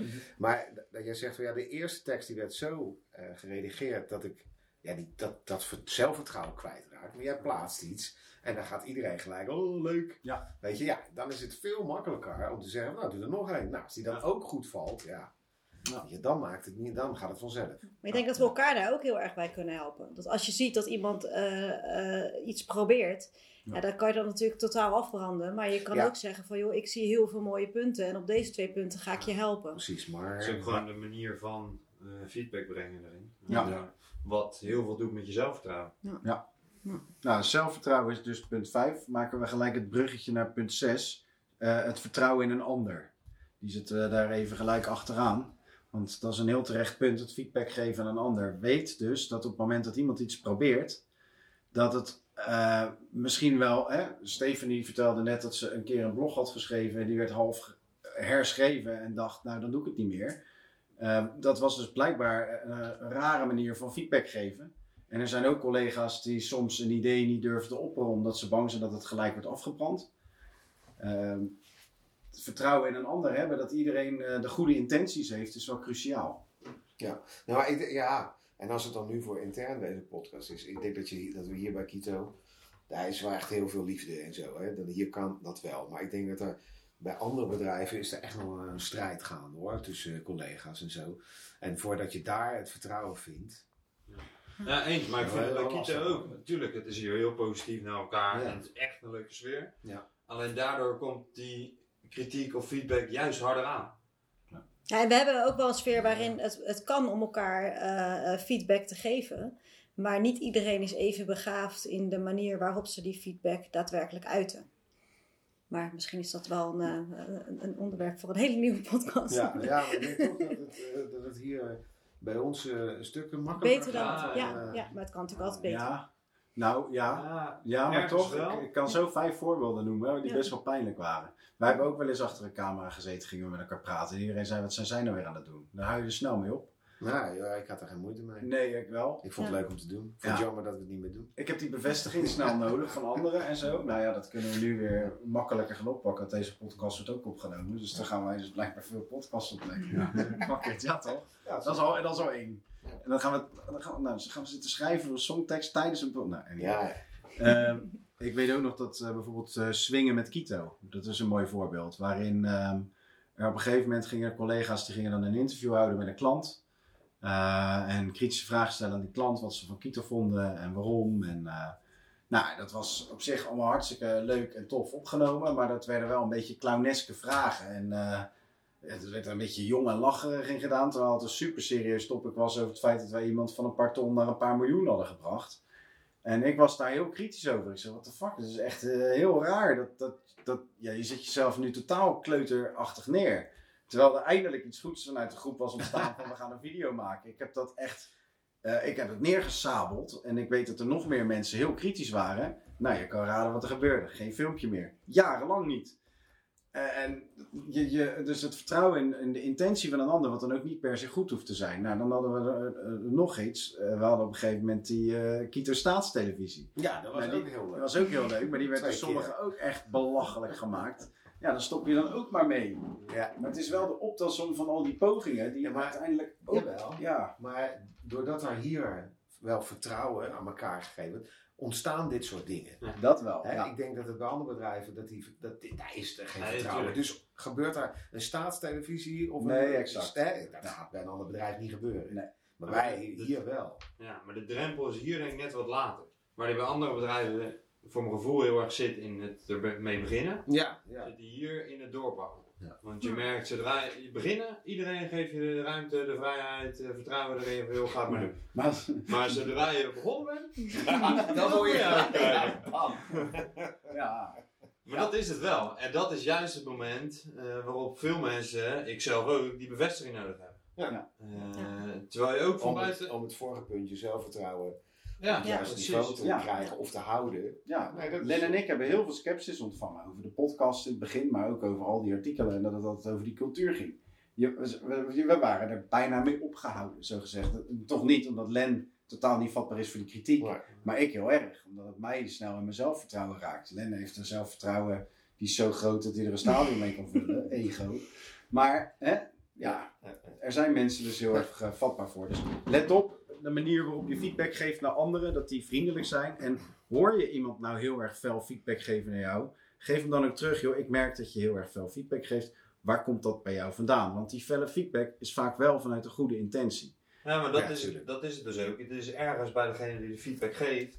Maar het zit denk ik ook heel erg bij jezelf in het stukje vertrouwen in de goede bedoelingen van die ander. Ja. Eh, het gaat hem ook aan het hart. Het is ook zijn bedrijf, zeg maar. Hier Ja. zeker. Het is ieders bedrijf. Dus het gaat hem ook echt aan het hart. En vandaar dat die reacties af en toe fel overkomen. Ja, Of in ieder geval ongenuanceerd. zeker van jou. ik denk dat ik het heel genuanceerd kan brengen. Oh ja. maar, eh, kan wel, alleen doe je het niet. Ja. doe het niet altijd. Eh, maar het is heel erg, eh, dat heb ik zelf ook. eh, ook even terug naar jezelf van oké, weet je, natuurlijk was het even, nou ja, wat je toch even misschien een keer fel. Maar ook wel even zelf die boodschap dan gaan nuanceren. Van het is wel iets wat hem ook aangaat, eh, of haar. Eh, en dat je gewoon echt de goede bedoelingen in ziet en daardoorheen kan gaan. Dus niet gelijk met de, bij de pakken neer gaan zitten als je zoiets krijgt. Er ook wel even over na gaan denken. Dus aan de ene kant bij de feedback geven, maar aan de andere kant feedback Ja, dan kom je misschien terug bij dat hulpvragen. Ja, Ja. precies. Dus opdracht voor de luisteraar. Ga eens kijken hoe zit het met je zelfvertrouwen, hoe zit het met jouw vertrouwen in een ander. Dus klein, hè, Ja. even Ja, ruimte voor introspectie. Ja. En Hebben we bespreek gelijk dat. eh, eh, punt 8 eh, al behandeld? eh? eh, nee, we komen nu bij breed betrekken. Dat is punt 7. Ik denk dat mensen nu de weg kwijt zijn. Ja, want... eh, Oké, ja, super. Betrekken? 1 is bewustzijn, 2 is hulp, 3 is begrip, 4 is passend bij jou, 5 is eh, zelfvertrouwen, 6 is vertrouwen in een ander. Dus we gaan nu naar 7. Breed Ja. betrekken. Ja. Check. Yes. Oké, dus even voor de, voor de videoman ook handig. Dat hij eh, van die liedertjes erin kan doen met 1, 2, 3. Dan krijgen we weer kritiek. Hè? Ja, ja, ja. ja. Hebben we weer niet het goede logo Nee. gebruikt. Nee, nee, ja, echt hoor. Ja, nu is eh, Jorik, die is ook alweer zo streng aan het worden. Ja. Eh, breed betrekken, jongens, 7. We- eh, leg hem eens uit. Ja, het, eh, het betrekken een ander er ook in. Kijk, Len en ik die hebben bijvoorbeeld heel veel kritiek gekregen over eh, de podcast en over het feit dat we die eh, cultuur, dat we daarover gingen schrijven. Eh, en dat we op podiums eh, van alles vertelden. Op een bepaald moment werd er ook tegen ons gezegd: ja, jullie vertellen van alles op, op, op het podium over ons. Ehm, terwijl dat, ja, dat was wel echt heel iets anders. We vertelden heel andere dingen op het podium, maar we namen niemand mee. Ja. Dus het gevoel hier heerste dat wij aan het roddelen waren met de buitenwereld over hun. Terwijl zij dachten, wij zitten hier maar te werken en zij staan de leuke dingen te doen en dan praten ze over ons. Ja. Eh, maar wij betrokken niemand erin. Dus wij waren heel erg getergd en geïrriteerd en gekrenkt dat iedereen dat dacht. Ik vooral, Lennart weer. ja, ja, ja. En eh, het grappige is, Steven, Steven en ik, want ik denk dat heel veel luisteraars het leuk vinden dat Steven en ik hier ook. Want wij, nou, wij zijn elkaars grootste supporter en vijand soms. Dat is echt verschrikkelijk. Zo'n nare broer-zus relatie, zo'n felle. En ehm ja, Steve was bijvoorbeeld een van de mensen die dat tegen me zei. En toen zei ik, ja, dat is onzin, maar ik zei niet, ga eens mee. Terwijl ze het hartstikke leuk gevonden om mee te gaan. Maar ik zei ook niet, mag ik een keer mee? Nee. Ja. Nee. Ja. Dus Ja. betrek jezelf bij topics Ja. van een ander. En betrek een ander ook bij zaken. En Ja. je ziet dat nu we met de brede groep over het Kito, eh, de Kito-boodschap in het totaal meedenken. Eh, we hadden een keer een avond met zeven man, dat ging ergens anders over, maar dat ging ineens hier naartoe. Ja. En toen, heeft, eh, to- toen hebben jullie het initiatief genomen om te zeggen: laten we daar een keer een operationele avond voor, Ja. voor geven. En er waren elf man bij. Ja. Veel meer dan we hadden verwacht. Uit Weer andere dan die verschillende zeven, teams. hè? Heel Ja. anders. Weer andere dan die Ja. zeven. Ja, en die, die elf die wilden daarbij betrokken worden. En toen zag je ineens hoe breed gedragen van, van, vanuit de hele breedte van de groep dat ontstond. En, en dat zag je ook eh, bij de meetup, wat natuurlijk ook een hele tijd eh, iets was van een dingetje dat dan door de mensen die voor de verkoop eh, wilden of moesten zorgen, georganiseerd werd. En het was een beetje ook iets, dat stond er een beetje naast. Totdat wij aan de groep uitgelegd hadden van ja jongens, kijk eens wa- waarom we die meetup organiseren en wat het uiteindelijk bereikt heeft. En dat heeft gewoon echt wel voor heel veel nieuwe contacten en zelfs klanten gezorgd. En, en dat zit hier denk ik ook wel in, dat niet iedereen ook even goed beseft ehm, of besefte wat, het, ja, wat er gebeurt wanneer je heel veel naar buiten gaat. Nou, toen was het echt eh, wij twee tegen de rest. De, Steve en ik, die waren toen het meest voor de verkoop verantwoordelijk. En eh, wij regelden het meest, nou, Steve vooral, voor de meetups. Ehm, en eh, en dat, ja, wij waren dat ook wel een beetje zat dat het allemaal bij ons lag. En toen zijn we samen gewoon een keer voor het whiteboard gestaan. En we alle klanten opgeschreven. Toen bleek dat 70% ergens een keer begonnen was via de meetup. En toen hebben we de hele groep erbij geroepen en gezegd, joh, hebben jullie wel door dat? Dus toen was eerst het belang was duidelijk bij de hele groep. En toen hebben we gezegd, oké, hoe kunnen we dat met z'n allen organiseren? En toen stond, ontstond er een soort van structuur. En daarna, ook, ja, nu is dat gewoon ge- ja, gemeengoed. Dat is heel logisch dat die meetups er zijn. Ja, corona niet. even niet, Ja. maar... Ja. Eh, ja, zodoende. Dus het breed betrekken. Eh, weet dus ook dat op het moment dat jij ergens over gaat schrijven, en, eh, maar je deelt dat niet met mensen dat je dat aan het schrijven bent, waarom je dat schrijft. Of eh, je deelt een klantcase, maar niemand wist nog iets van die case. Of ja, dat, is, dat zal voor jullie herkenbaar zijn. Met Schwung en Toscani, jullie doen hele gave dingen. Maar ja, je staat wel een beetje op jezelf. Niemand weet dat precies. Hoe, hoe zien jullie dat? Breed betrekken? Denk je dus op basis van wat je nu hoort, denk je dan al? Nou, ik, ik, bij betrekken zie ik gelijk ook een soort samen iets schrijven. Mhm. Ik, denk dat, ik denk dat het mij ook zou helpen, dan ben ik het niet alleen. En dan Mhm. krijg je tijdens het proces al gelijk hulp. Mooi. Eh, dus daar moest ik aan denken. En het betrekken van ja, op een gegeven moment is het wat je doet zo gewoon. Mhm. Hè, die, eh, de koppelingen met exact en de api's met weet ik veel. Ja, dat, dat je niet meer het idee hebt van ja, dit is interessant, dus ik ga iemand erbij betrekken om te vragen of we dit samen gaan. Want ik denk, ja, het is gewoon weer hetzelfde van wat we altijd hebben gedaan. Mhm. Weet je, dus eh, het is niet interessant genoeg om Mooi. iemand erbij te betrekken. En, nou ja, dat is weer... eh, Nou, dat is heel interessant dat je dit noemt, want soms weet jij dat niet meer zo goed en de klant bijvoorbeeld wel. Ja. Als je, zo, als je breed betrekt, kun je ook zeggen, ik betrek de klant erbij. Ja. Klant, wat vind jij nou dat wij over jou zouden moeten delen? Ja. Dan moet je kijken wat daar dan klant voor... erbij betrekken. Ja, Ja. dat is wel mooi. Cool. Wij zouden jou graag in het licht zetten, want wij zijn trots op wat wij voor jou hebben gemaakt. Hoe zou jij dat leuk vinden als wij dat doen? Ja. En dan heb je gelijk de medewerking. Ja, voor de klant is het natuurlijk ook interessant, die exposure en alles. Dus, eh, En inderdaad andere teams erbij betrekken. Ik weet dat Karel nu begonnen is aan het schrijven van de Case voor Techniek College Rotterdam. Ja. Die hebben we Perfect. vier teams breed hebben we die Ja, aangepakt. zeker. Dus daar komt ze nog langs bij iedereen met eh, wat wil jij erin zetten en wat zijn de beweegredenen. Ja, nou, dat is, dat is inderdaad hoe ik betrekken zou zien. Mike, voor jou? Ehm, Ja, het staat nu heel erg los, eh, denk ik. Maar eh, ik heb daar nu nog geen moeite mee. Eh, ik denk dat het een heel ander verhaal is dan bij Toscani, want die zijn erbij gekomen. Die zitten er al vier, vijf jaar bij. Ja. Eh, Vijf jaar. en dat is eh, echt nog eigenlijk in het zijn dat nou nu beginnen we elkaar echt wel bij heel veel dingen te betrekken. Eh, heel lang niet geweest. En voor Bo en voor mij, eh, en als ik dan in ieder geval voor, mezelf, voor mezelf spreek, is het ook wel lekker om er nu een soort van uit te zijn. Om echt je ei- eigen ding te bouwen. Dus ben je daar nog niet heel erg mee bezig. En ik vind het nu ook prima dat misschien niet alles bekend is eh, bij de collega's van Kito wat we doen. Ik denk het meeste nog wel, omdat er nog heel veel dingen zijn die je ook echt samen doet, want je moet wel. Mhm. Dus ik zie dat nog niet echt heel erg als een probleem. Ik had heel erg wat Ren ook zei eh, bij betrekken. Eh, eh, degene die al veel zenden, of überhaupt eh, misschien ook de mensen die het moeilijk vinden om te zenden, eh, veel meer elkaar erin gaan betrekken. Wil, kunnen het dan niet met meerdere doen. Want die, dan sta je toch eh, sterker, zeg maar. En dan is het denk ik ook makkelijker om te. Ja. Al is het maar veel, zullen we met z'n drieën een keer eh, middag, avond, wat dan ook gaan zitten. Ga dan allemaal zelf schrijven, maar dan zit je in ieder geval met z'n. Mooi. Dat is ook een goeie. Mooi. Mooi, cool. Ja, en dan heb je nog het laatste ding, dat op het moment dat er eh, een van de teams eh, een collega aanneemt, dan kun je die collega gewoon inbedden in je team. Maar je kunt die nieuwe collega ook stimuleren om eens te ontdekken wat er bij die andere teams allemaal is. Ja. En dat gaat het uiteindelijk ook makkelijker maken om die eh, collega die jouw team landt, ook trotser te maken op de totale groep. Dus dan zal die ook makkelijker meegaan in de totale communicatie. Ja. Wij hebben daar heel veel geluk in. Hè. We hebben bijvoorbeeld binnen, binnen Academy werken wij met Jorik en Stijn. Maar die, die, ja, die lopen overal doorheen als twee. eh, dat is ideaal. Dus die- je, je hebt heel snel de aansluiting met de breedte van de organisatie. Eh, inmiddels. Maar Len en ik waren heel erg gewoon lekker op ons paard. En we liepen lekker overal van weg. En misten dus die hele aansluiting. Dus Len en ik krijgen nu wel soms gewoon keiharde spiegel van een Stijn en een Jorik die om ons heen het totaal anders aanvliegen.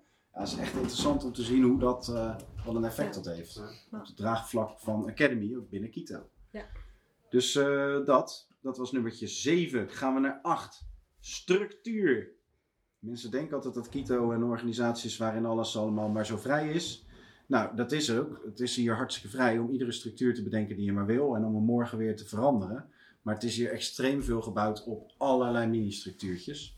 Eh, of het nou over de peer-to-peer reflectie gaat middels collega-metingen, of over sprint-meetings en sessies, of over het, eh, het, eh, de online marketing en werken naar doelstellingen. Er zit hartstikke veel structuur in de totale breedte van de organisatie.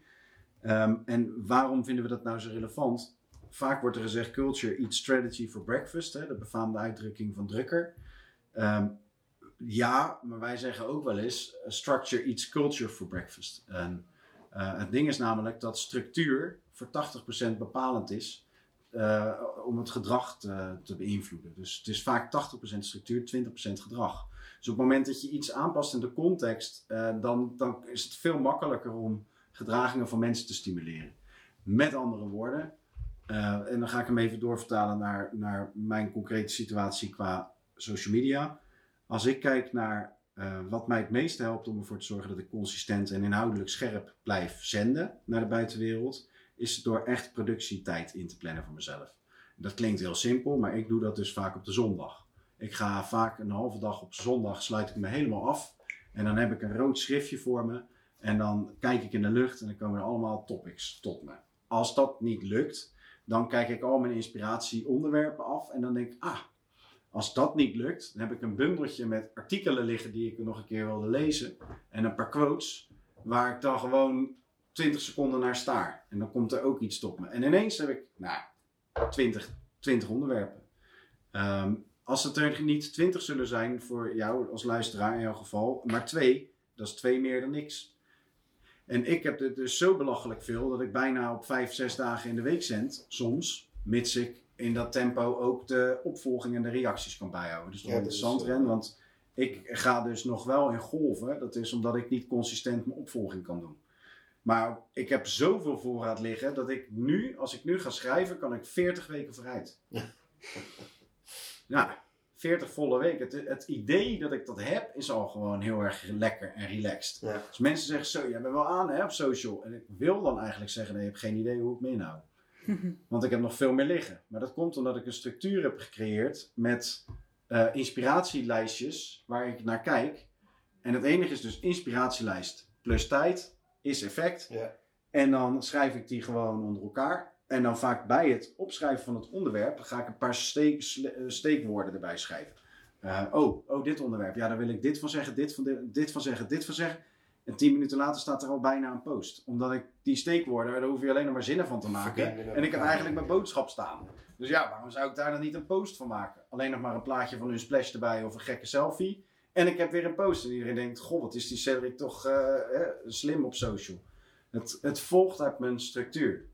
Ja. En eh, voor Steve bijvoorbeeld is het dus een hele makkelijke. Op het moment dat je nu al dit doet, hè, je schrijft artikelen die tot jou komen. Die komen ineens tot jou, die, grasp, die moet je graspen en die schrijf je gelijk op op een zaterdag. Dan zeg je ook tegen het van, sorry, maar deze moet er even uit. Ja. Ehm, op het moment dat je ook dat structuurtje erin bouwt voor jezelf. Ook jij hebt dan inspiratielijst plus tijd. Ja. Jij gaat waarschijnlijk, dat voorspel ik, ken je, eh, om, jou kennende, net zo hard als ik dan. Ja. Maar En dat wat- is een keus. Wat, wat, wat op- Ja. inderdaad, eh, je zegt het goed, het is een keuze. Wat voor mij nu, ik wil dit heel graag. Ik wil er eigenlijk ook meer mee, maar dat vind ik nu spannend. Ja. Want nu is het voor mij nog iets wat ik erbij doe. En als ik dan iets geplaatst heb, dan krijg ik, oh Steve, leuk weer hè.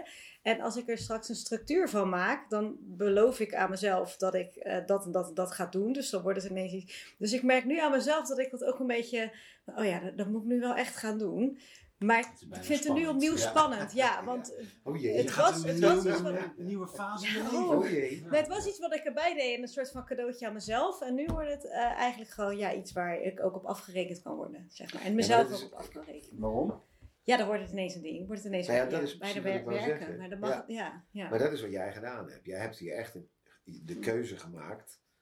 Ik ga heel veel schrijven. Ja, en ook de keuze om het ook af en toe gewoon dus helemaal niet te doen. Nee. Zit, nu zit ik in een droge fase, daar heb ik, heb ik mijn goede redenen voor, privé en allerlei dingen. Bovendien, ik kan, ik kan het niet opvolgen. Ik had een twee weken achterstand op mijn LinkedIn-inbox. Nou, dan, dan vind ik mezelf naar en onaardig. Dus ik heb zelfs eh, sommige van die mensen heb ik eh, drie maanden Academy eh, cadeau gedaan. Sorry dat ik zo laat reageer. Zo slecht voelde ik me over. Ik denk, nou, dat doe ik nu een paar weken niet. En dan zak ik misschien in het algoritme van LinkedIn. Nou Ja. en, zoek het uit, weet je. Nee, kijk, dat is het wat jij ook zegt. Dat je, dat je de structuur bijna eng vindt. Omdat je dan ook moet. Ja, en meer van mezelf, hè. Wat jij Ja. zegt, eh, zak in dus ding van LinkedIn, dat, ik kijk niet eens, ik zou niet eens weten hoe dat werkt. Het is meer voor mezelf. Ik heb dan voor mezelf besloten, eh, Ja, ja. structuur zou mij ook wel een beetje angst geven. Omdat je dan moet. Omdat ik dan moet, ja. En er zijn zoveel dingen die ik wil. Snap je? En dat, maar ik vond jouw opmerking net, dat eh, betrekken. Ik denk, ik ga gewoon één keer in de nou, twee weken of maand een avondje eh, in de agenda zetten. Schrijven hier. En dan als er meerdere mensen zijn, dan kun je gewoon een leuke avond. Ben je wel gewoon zelf aan het schrijven, maar toch met mensen. Dat is, Want als ik thuis zit, dan ga ik eh, muziek maken, dan ga ik schilderen, dan ga ik, dan ga ik niet schrijven. het is samen dan vrijblijvend creëren. Ja. Dat is echt een hele, heel goed idee. Ik ben erbij. En dat vind ik een leuke structuur. Ja, dat vind ik, eh, ik. Ja, maar gezellige dat is, dat is een structuur erbij Ja. en dan Dat is ook eh, weer een interessant. kaarsje Dat is ook weer passend bij jou, hè? Ja. Dat was tip 4. Ja. Alles komt samen. Zie je hoe goed het is? Ja. Maar dat is juist de echt structuur waar ik behoefte aan heb, zeg maar. Ja. Gewoon niet per se een hele vaste structuur zoals jij die, eh, die hebt, Cedric. Maar gewoon puur, in ieder geval dat je de tijd hebt. Een avond, drie Ja. uurtjes. Ik hoef, ik hoef niet gelijk te beginnen met drie keer in de week posten. Nee. Maar als ik de komende twee maanden één of twee keer in ieder geval kan posten, ben ik stap. heel blij. Ja. En daar heb ik die structuur voor nodig. Dat je inderdaad echt even gaat zitten, echt even de tijd pakt. Eh, niet dan eh, inderdaad het liefst op het moment dat je niet even gebeld wordt van joh, eh, kan je hier nog naar kijken. Ja. Dat, Dat- je kind door het huis rent. En, eh, ja. Dus eh, zulke structuur, dat zou mij heel erg helpen. Ja. ja, nou die gaan we, die gaan we gewoon plannen. Ja. Leuk. En eh, nog één keer even over jouw angst, Steve. Waar ben je nog bang voor? Als het gaat om die structuur, dan ga je het doen en dan... Ja, dat je, dan, dat, je dan niet, ja, dat je dan zegt dat je het gaat doen en dat je dat dan niet haalt of zo. Of dat je dat, Ja, eh, ja. Dat je jezelf Ja. teleurstelt. Ja, En dat je, jezelf, je Ja, legt ja. jezelf toch wel weer Ja. iets op. En dan ga je, ik ben dan altijd, dan ga ik het uitspreken naar anderen, want dan, dan moet ik wel. Mhm. Maar dat als, dat dan, ja, als je dat dan niet haalt, dat je dan gefaald hebt of zo. Ja, ja. Maar meer voor jezelf. Ik heb niet het idee dat ik daar dan echt, maar voor jezelf. Ja. Oké. Nou, dat is interessant, want Ja. dit is dus een onderwerp waar we heel lang over zouden kunnen praten. Omdat dit, eigenlijk stel jij jezelf nu weer kwetsbaar op, hè? dat was punt 1. we gaan dus door, eh, mensen, naar het volgende punt, dat is verbinding. Ehm, op het moment dat jij eh, de verbinding met jezelf hebt en dit door hebt van jezelf, dan kan je er ook iets mee. En als je de verbinding met elkaar hebt, dan durf je je ook wat makkelijker kwetsbaar op te stellen op dit vlak en elkaar daarin ook te helpen. Dus we zeiden al, eh, breed betrekken, eh, eh, vertrouwen in elkaar en vertrouwen in jezelf en bewustzijn. Dat zijn allemaal best wel houding- en gedragszaken. Verbinding is dan een heel cruciaal woord. Als je de verbinding daarin opzoekt, dan kun je elkaar ook echt daarin coachen. Dus ik zou op dit vlak heel graag met jou willen praten, want ik denk dat ik je daar heel erg goed bij kan helpen. Omdat ik merk wat het mij gebracht heeft. Niet zozeer publicitair of aan leads, maar veel meer in mijn en duiding. Omdat ik, ik leer tijdens het schrijven.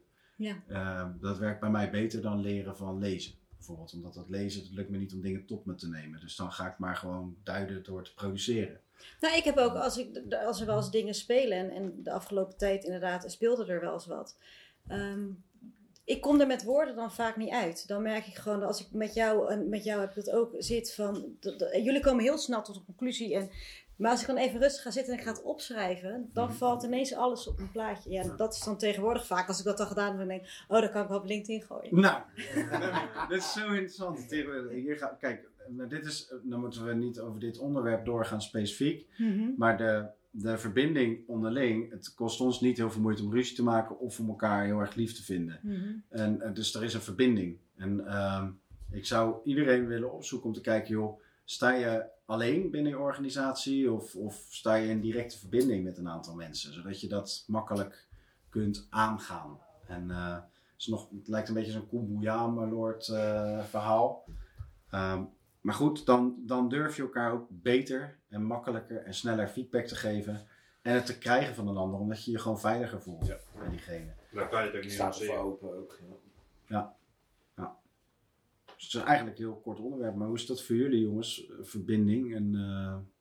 Nou, die verbinding zie ik dan ook op zo'n avond weer. Mm. En dan kan je ook uh, makkelijk, uh, als je ergens tegen vastloopt. Ik, ik kan, heb jij niet dat je dan, uh, Stephanie, heb jij dan niet uh, dat je dan op zaterdagmiddag vastloopt of zo in je tekst? Nee, bij mij is het meestal dat ik dan, dan een dag of drie, vier zit er iets in mijn hoofd. En, dat dan, en, dan, en dan af en toe schrijf ik wat jij zegt, ook een paar van die woordjes op. En dan, dan moet ik mee. En dan ineens dan denk ik van ja, en als ik nu niet ga zitten, dan gaat het iets met mijn emotie doen. Dan word ik of boos of verdrietig. Of, dus dan, dan schrijf ik het daadwerkelijk van me af. En ja, dan staat er ineens iets op papier. En dan denk ik, ja, nog even aan Sas vragen of ze die spelfoutjes eruit haalt. En, uh, en ik knal het gewoon lekker op Ja. LinkedIn. Nou, Ja. nou, ik zou die verbinding dan op zo'n avond zoeken. Uh, Ja.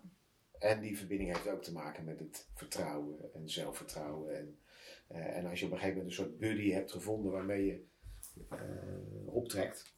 Ja. Die hadden we ook toch ergens. Mm -hmm. Betrekken. Ja, dus dat, Ja, dat je iemand hebt uh, van joh, als ik dan die persoon laat zien, dan krijg ik een goed verhaal terug. En uh, geef me vertrouwen of zij. Ja. Uh, ja, dat, is- die verbinding, Mooi.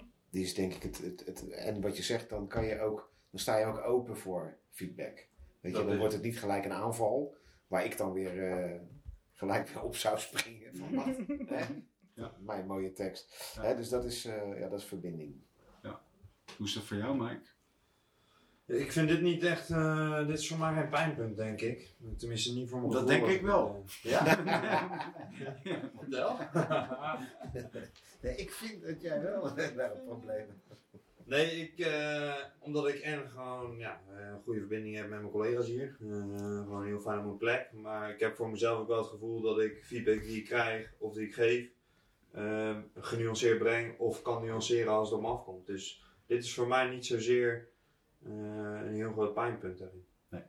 Het is wel zo dat het in jouw geval eerder zo zal zijn als er een bepaalde structuur is of een bepaalde meeting en er wordt gevraagd, nou, hoe zit jij daarin? Dat je dan je mening geeft.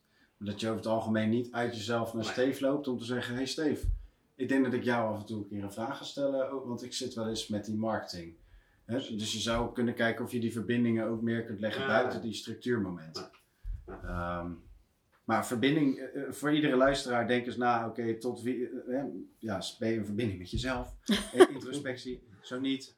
Ga daar eerst even aan werken. Ga naar Michael of Lennart. Eh, Het Niet deze Michael trouwens hoor. Nee. Nee. Even reclame maken. Dit is reclame voor Michael Pietersen, remissio psychologie. Nummer 1 in Google als je zoekt psycholoog van Sluis. Goed.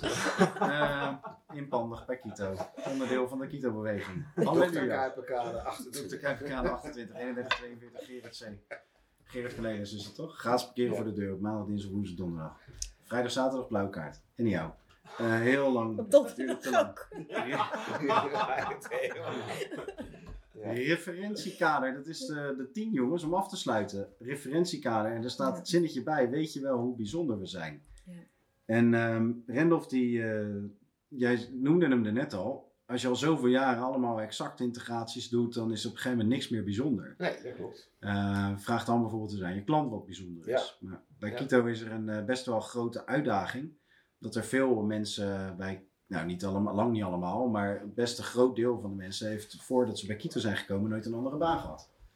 Ehm, ja, dan is Kito heel normaal.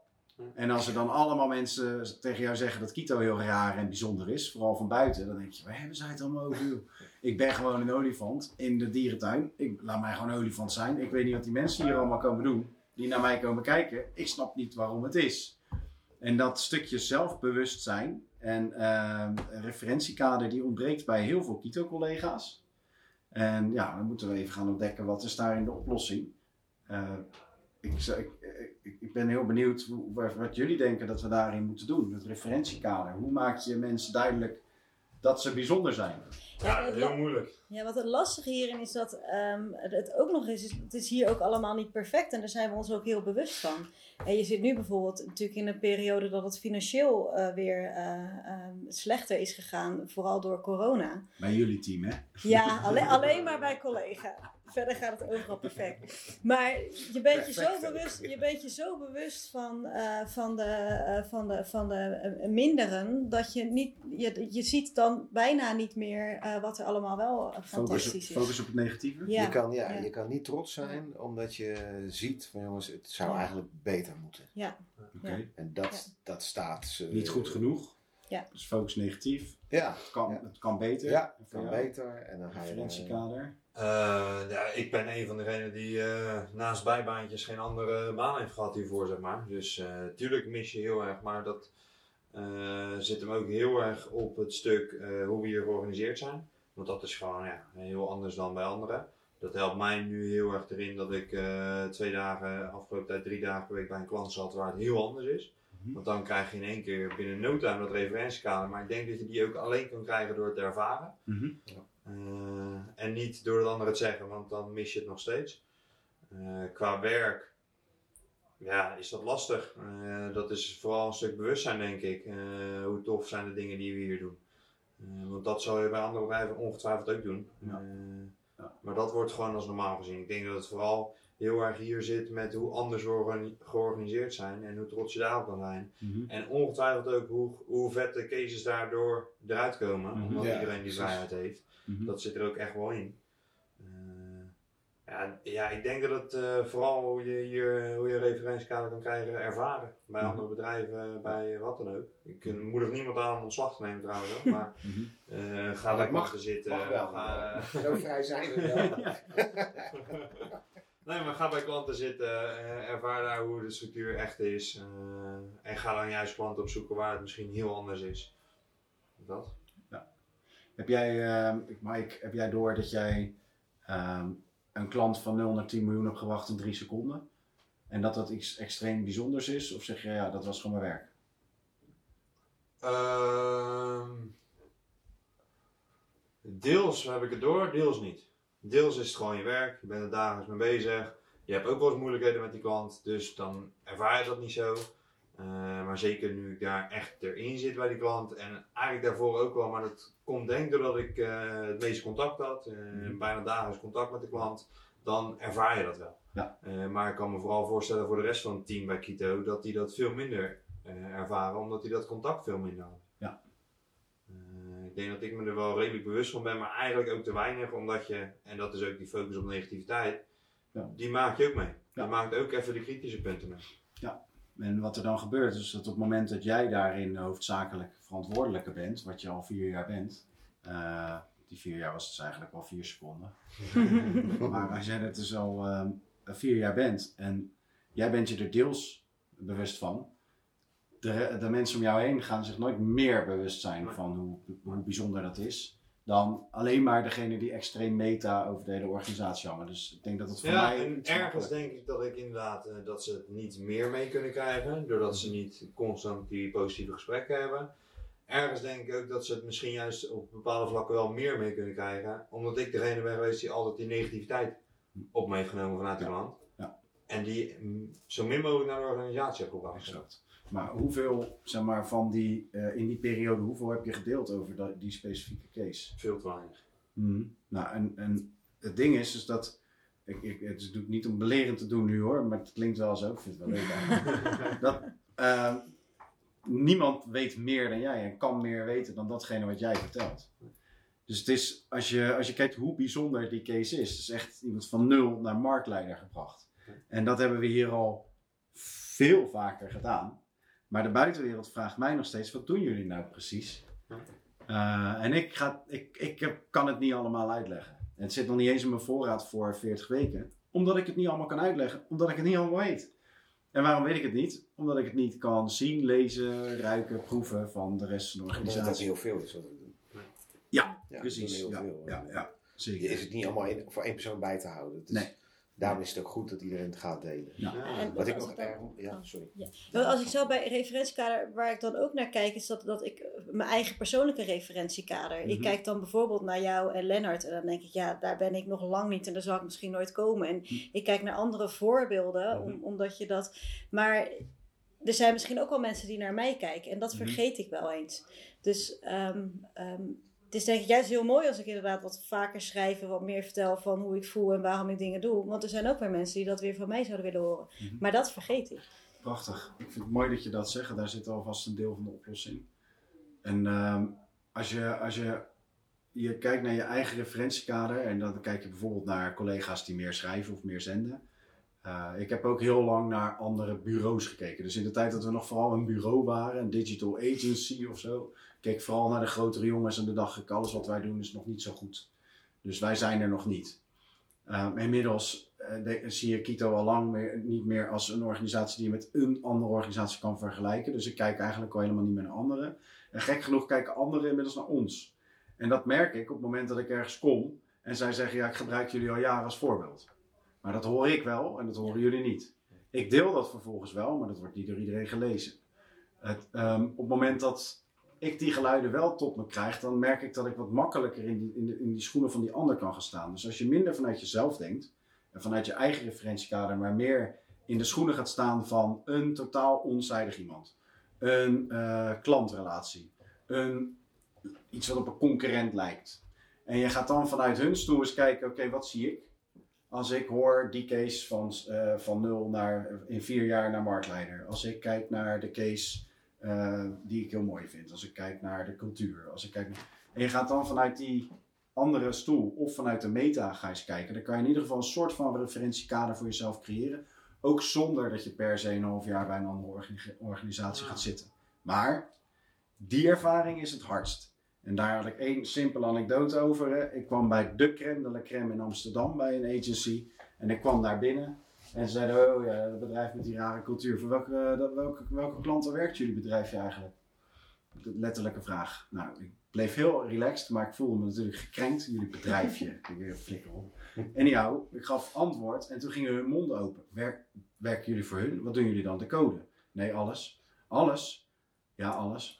Ja, maar als in echt eh, design ook. Zeg, hè. En toen hadden zij dus gewoon echt, ze gebruiken dat al tijden als voorbeeld voor zichzelf.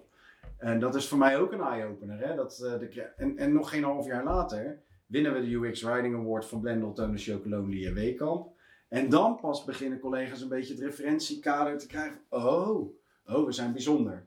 En dat was ook een andere anekdote. Twee jaar, eh, dat is inmiddels drie, vier jaar geleden, deed Lennart een sessie geven voor de groep. Weet je wel hoe bijzonder we zijn? En toen schetste hij een heel groot uitzoombeeld van dit is dat bedrijf, dat bedrijf, dat bedrijf. Die wordt in de wereld als de crème de la crème gezien.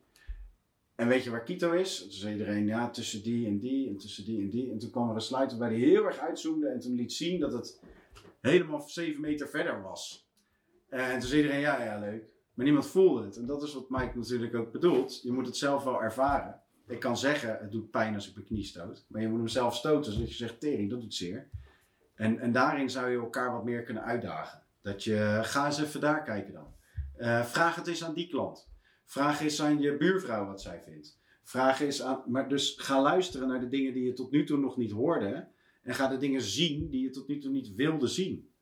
Eh, Op het moment dat je die twee dingen niet doet, dan gaat je referentiekader altijd dat ding blijven wat jij jezelf oplegt. En dat, die lat is nooit hoog. Die is, die is altijd hoog en daar voldoe je nooit aan. Dat is altijd ellende.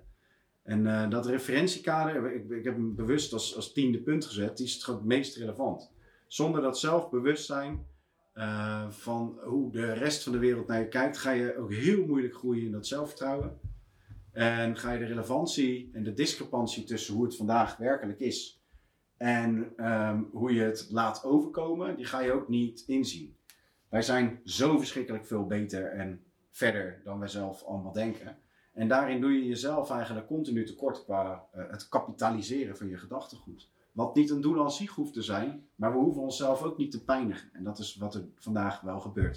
Het grappige is, ik zit nu, als ik dit te vertel, heel erg naar jullie te kijken. Terwijl ik het idee heb dat jullie hier best wel veel bewust van zijn. Eh, dus dan moet ik eigenlijk nu gewoon heel erg naar de microfoon kijken. Er zijn heel veel collega's die dit misschien voor het eerst horen, maar wake the fuck up, echt. Zo, nu, nu moet ik even mijn mond houden. Wake the fuck up. Ja. Ja, Ja, mooi afsluiten denk ik. Ja, zeker. Ja. Ik denk, eh goede conclusie. Eh, vooral inderdaad, eh, heb door hoe eh, bijzonder je bent in je werk, in je persoon. En eh, eh, pak die vrijheid en het zelfvertrouwen om te gaan delen. Ja. En ik denk dat de structuur daar heel belangrijk is. Tenminste, dat is voor mij. eh, eh, Ja, neem af en toe ook een beetje afstand van. eh Maar ja, we hebben en wat inderdaad we zeggen. ideeën, en, eh, maar het volgende staat weer voor de deur. Weet je, je maakt iets geweldigs voor de Kuip, voor Feyenoord. En eh, ondertussen ben je alweer met het volgende idee bezig. Ja. Weet je, je hebt eigenlijk niet eens de tijd om nou eens te beseffen van, maar echt niet normaal. Wat wij doen, is niet normaal. Ja. Ja. Ja, is- en, maar zo'n avond dan, dan kan je even afstand nemen. Ja. Van wat, wat, wat, Maar dat is wel maar wat we natuurlijk dan ook zeggen. Eh, betrek iemand erbij. En, en dat kan een van de eh, vier mensen eh, zijn die hier nu aan tafel zit. Maar dat kan ook iemand zijn met wie je dat liever doet. Eh, anders, anders dan valt het ook stil. Dan, eh, dan eh, denk je over drie weken terug van... Oh ja, ik had die podcast nog geluisterd. Ik had er niks mee gedaan. Dus ik denk dat met alle dingen die je net opgeschreven hebt... je nu ook op moet gaan schrijven van... Oké, en nu? En wie ga je erbij betrekken? En wat heb je van die persoon nodig? Absoluut. Dat is sowieso voor de, voor de luisteraars. ga in gesprek hierover. Ja. Vind je buddies erbij? Of buddy? Ja. Ja. En, Nou, degene die als eerste naar mij toe komt, krijgt een rib chocola. Nou, Super. oké. Allemaal een steven. Oké, ik eh, trakteer ook pizza's al voor, Ik de ga mensen zo die, voor de mensen die op die avond komen schrijven. Oké, cool. Gaaf hoor. Ja, ik, ik zou heel graag positief willen afsluiten, want ik zei net, wake the fuck up. Ook ik ben me er wel heel erg bewust van het feit dat de marketing eh, veel breder gedragen wordt bij Kito dan bij een gemiddelde organisatie. Dat iedereen zich hier eigenaar voelt. Niet iedereen, maar een veel groter deel van de organisatie dan ook gemiddeld is. Dus dat ik echt wel weet, count your blessings. En dat doe ik ook, absoluut. Het enige wat ik daarbij wil aangeven is, jongens, jullie weten nog half niet hoe bijzonder je bent. Eh, heel veel liefs. Kusje Kito, wij van Oh. Kito. Doei allemaal. Doei. Doei. Ja, zou ik nu naar jezelf vertellen dat de tafel staan voor je naar beneden? Ja, doe maar.